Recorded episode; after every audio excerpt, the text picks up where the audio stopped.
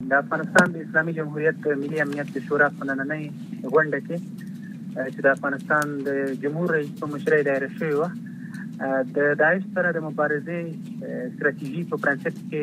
تصویب شوله د دې ستراتیژۍ هدف دا دی چې د داعش په مقابل کې د افغانستان د امنیتي او دفاعي ځواکونو د اقداماتو په ارتباط باندې مشخص لومړیتوبونه ترتیب شوی دی او ترتیب شي او لدین علاوه د داعش په مقابل کې د اجتماعي او سیاسي قوتونو ظرفیتونو د بسیج د اقدامات په ارتباط هم په دې ستراتیژي کې په تفصیل سره بحث شوی دی دا غو ستراتیژي ده چې د داعش سره په مبارزه کې د افغانستان د امنیتي او دفاعي ځواکونو او د افغانستان د اجتماعي او سیاسي قوتونو د لومړیتوبونو یادونه پکې شوې ده له دې زیات جزئیات د محتوا په ارتباط نشو ورکولای خو دا د داعش د دې خودنه کوي چې افغان دولت د داعش سره مبارزه کې یو کلک تعهد لري او هماغسې چې داعش یې د افغانستان د ملي امنیت دښمن تعریف کړی د داعش سره مبارزې ته د افغانستان امنیتي او دفاعي ځواکونه په قوت سره ادامه ورکوي که څه هم مخکې دا ستراتیژي تصویب شي د داعش په مقابل کې د افغانستان د امنیتي او دفاعي ځواکونو مبارزه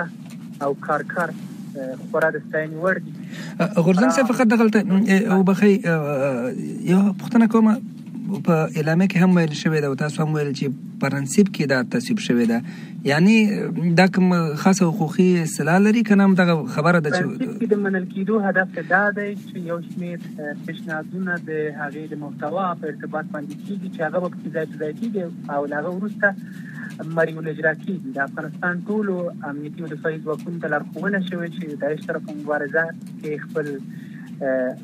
عملیات خپل نظامي ځواکونو ته هغه رهنمودونه مشخص رهنمودونه د همدې پالیسۍ په چوکاټ کې یا د همدې ستراتیژۍ په چوکاټ کې ترتیب کړي نو بنان وروسته له دې چې ځینې پیشنهادونه وړاندیزونه چې په همدې مجلس کې وشول پکې ځای په ځای شي دا د یو مریول اجرا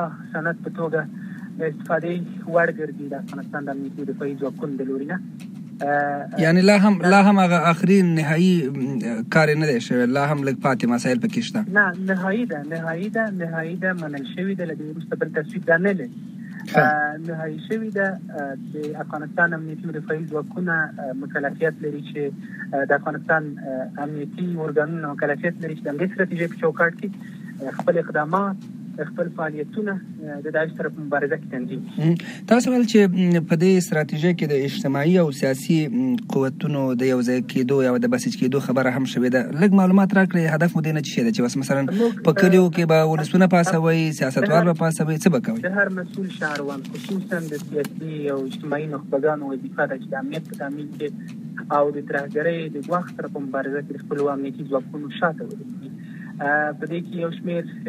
سپارښتنې او لارښوونې په دې ستراتیژۍ کې شته چې څنګه کولای شو چې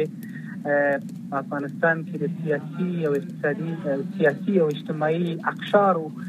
له نقص څخه په موثریت سره په دې مبارزه کې استفاده وکړو نو بناً د موږ اعتقاد دا دی چې امنیت یوازې په امنیتي ځواکونو او یوازې اسلحې پر استعمال نه راځي دښمن یوازې د امنیتي او دفاعي ځواکونو په عملیاتو نه ځپل کېږي، بلکې د سیاسي او اجتماعي قشر د خوا